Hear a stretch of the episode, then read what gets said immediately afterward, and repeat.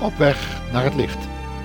Welkom luisteraar in het familieprogramma van de Stichting Adulam. We hebben het dit keer over de invloed van geestelijke leiding. Maar ja, geleid worden door wie? Dat is het thema van dit programma. Geleid worden door geesten of door de Heilige Geest van God. Hoe leren we dat onderscheiden?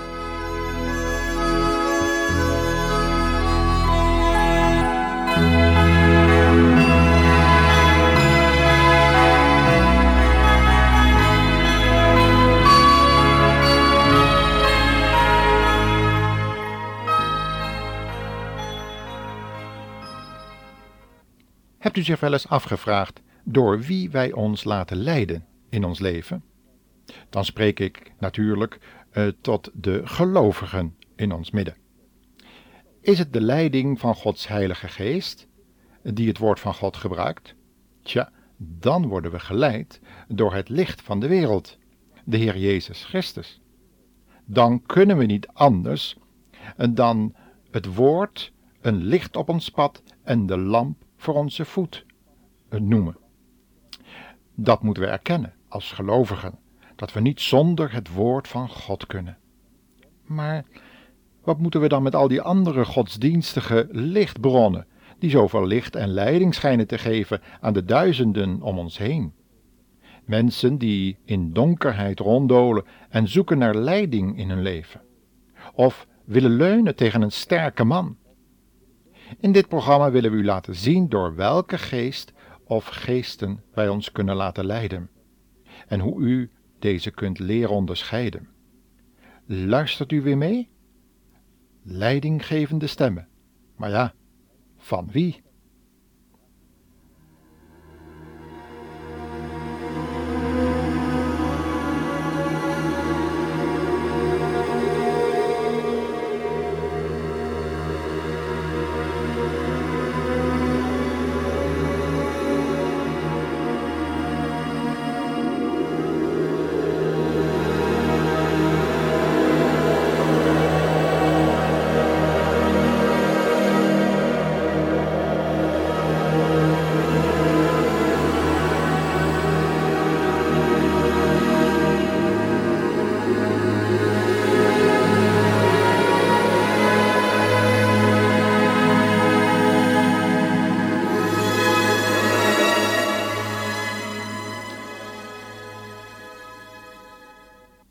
Hebt u wel eens de uh, stemmen gehoord van mensen die al lang overleden zijn?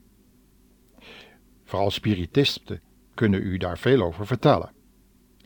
In Jesaja 30 vers 21 en 22 vinden we over allerlei godsdienstige mensen die over profetieën spreken en over dromen en visioenen, maar die in die leidinggevende stemmen niet herkennen dat het stemmen zijn van boze geesten.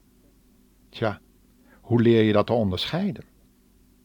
Hebt u ook wel eens geschriften gelezen van leidinggevende figuren van allerlei godsdienstige groepen? In het geval dat zij profetieën of nieuwe leringen hebben opgetekend die niet in de Bijbel voorkomen, is de bron van deze nieuwe leer heel vaak een droom of een visioen, een engel of een stem die hen inspireerde en de dingen deed optekenen die zij in hun dromen en visioenen, in hun stemmen hadden gehoord. Het Nieuwe Testament is in de beoordeling van dit soort zaken heel radicaal. Luister maar eens wat er in Galaten 1, vers 8 staat opgeschreven. Als iemand aankomt met een andere leer dan het goede nieuws wat u van mij gehoord hebt, moet u hem uit de weg gaan als een vervloekte zelfs al zou ik het zelf zijn, zegt Paulus dan, of een engel uit de hemel.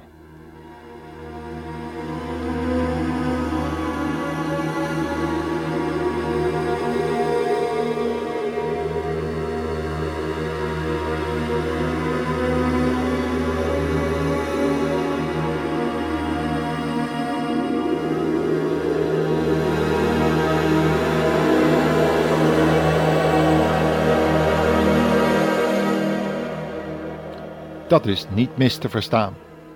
Toch had de schrijver van deze brief zelf een ontmoeting met een engel gehad, toen hij het benauwd had. Maar die bracht geen nieuwe leer, maar gaf een bemoedigende raad. Je kunt dat lezen in Handelingen 27, vers 23 en 24. U kunt begrijpen dat deze Paulus zijn reden gehad moet hebben om zo radicaal te zijn in zijn brieven. Tegen Timotheus zegt hij dan ook in 1 Timotheus 4 het volgende. De Heilige Geest leert ons heel duidelijk dat er een tijd zal komen waarin sommigen in de gemeente zich van Jezus Christus afwenden en leraars gaan volgen die zich door Satan laten leiden en leringen van demonen verkondigen. Welnu, Satan kan zich volgens 2 Korinthe 11 vers 14 in een engel van het licht veranderen. Dus zijn dienaars kunnen zich voordoen als waren ze dienaars van gerechtigheid. We hebben dus wel de gave van onderscheiding van geesten in deze tijd nodig.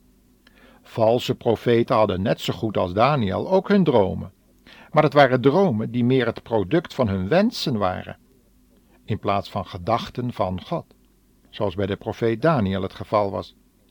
De profeten van God hadden het dan ook altijd moeilijk met al dat springen en dansen, die stemverheffingen en emoties, de verstandelijke overwegingen en berekeningen, de geldzucht en de eergevoelens, waardoor valse profeten zich vaak lieten leiden. In al die genoemde gevallen ziet de duivel kans de ziel van deze door Satan beheerste mensen binnen te dringen. Het verstand wordt verduisterd, zegt Paulus in Efeze 4, vers 18 in plaats dat het waakzaam actief is, wordt het passief. Maar ook de emoties en de wil komen onder een demonische controle wanneer het verstand passief is. En helaas kan dat ook bij niet waakzame gelovigen gebeuren. In 2 Timotheus 2, vers 26 spreekt Paulus over gelovigen die in een geestelijk diepe slaap gevallen waren en te vergelijken zijn met Lot, die daar in de poorten van Sodom meehielp regeren. En opnieuw blijkt dat hij gered moest worden uit dat goddeloze systeem wat daar in Sodom gewoon was geworden. Hij was niet nuchter gebleven, deze Lot, en hij had daardoor ook geen vrucht.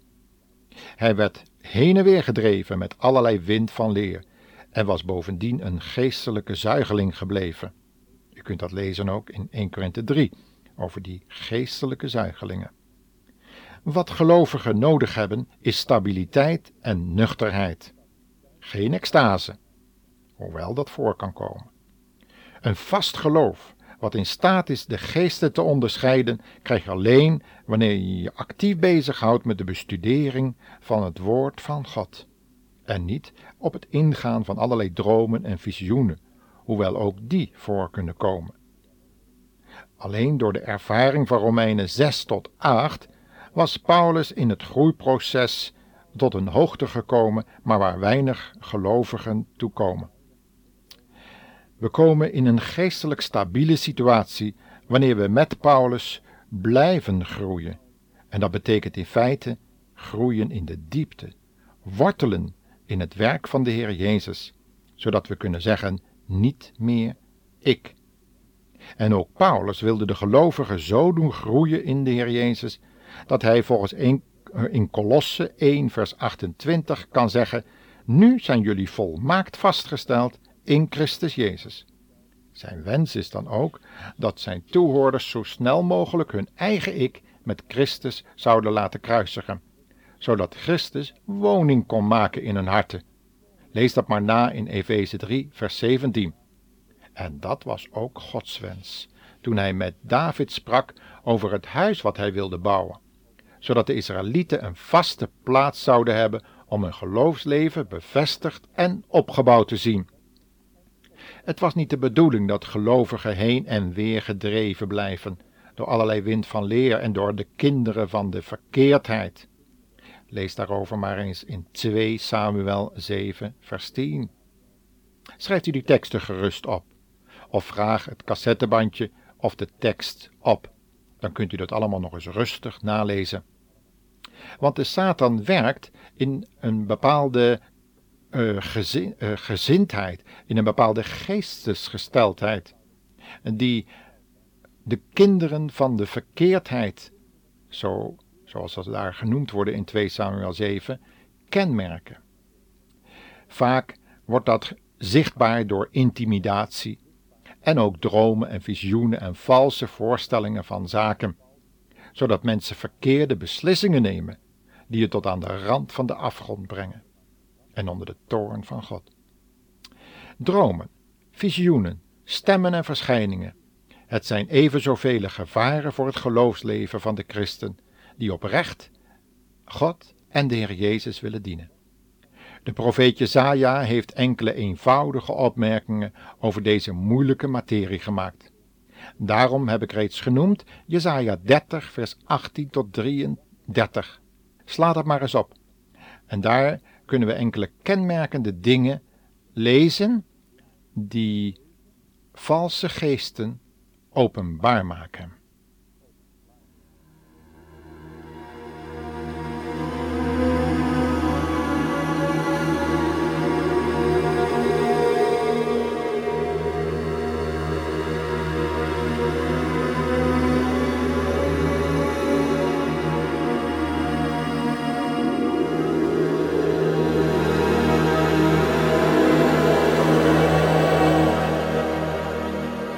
Ten eerste geeft de profeet in vers 18 van hoofdstuk 30 van Jezaja aan dat God een God van gericht is.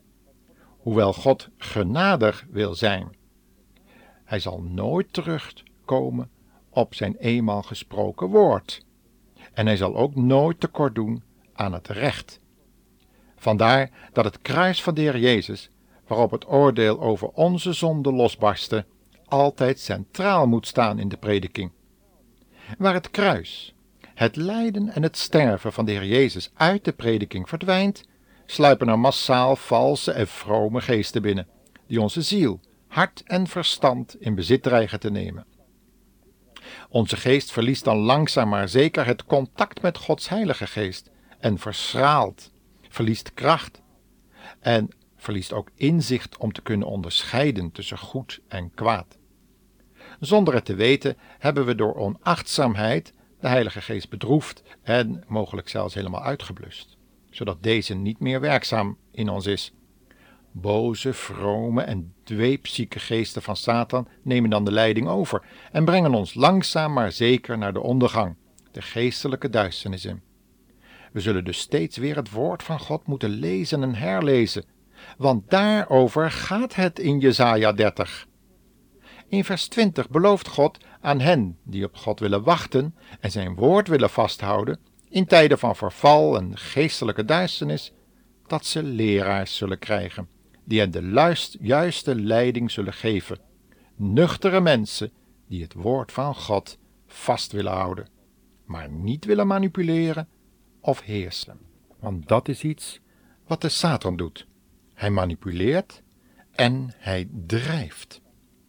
Dat vinden we ook in Lucas 8, vers 29. Want daar dreven legioenen demonen een arme, bezeten man de woestijn in en de begraafplaatsen in. Het waren onreine geesten, vandaar dat ze zo schrokken toen ze geconfronteerd werden met de Heilige Geest van God, die in Christus woonde. Hoe anders ging het in Marcus 1, vers 12 en Lucas 4, vers 1 met de Heer Jezus toen de Heilige Geest de Heer Jezus leidde in de woestijn, hoewel de Satan hem wilde drijven. Ja, dat is een fenomeen wat we vaker in de schrift terugvinden. Gelovigen worden geleid door de Heilige Geest en worden zonen van God genoemd. Maar de Satan wil proberen hen te drijven en tot zonde te verleiden. Hoe is dat in uw leven, beste luisteraar? O, laat u niet drijven door wie dan ook, zeker niet door demonen, maar laat u leiden door de Heilige Geest. God zegen u en tot de volgende programma's.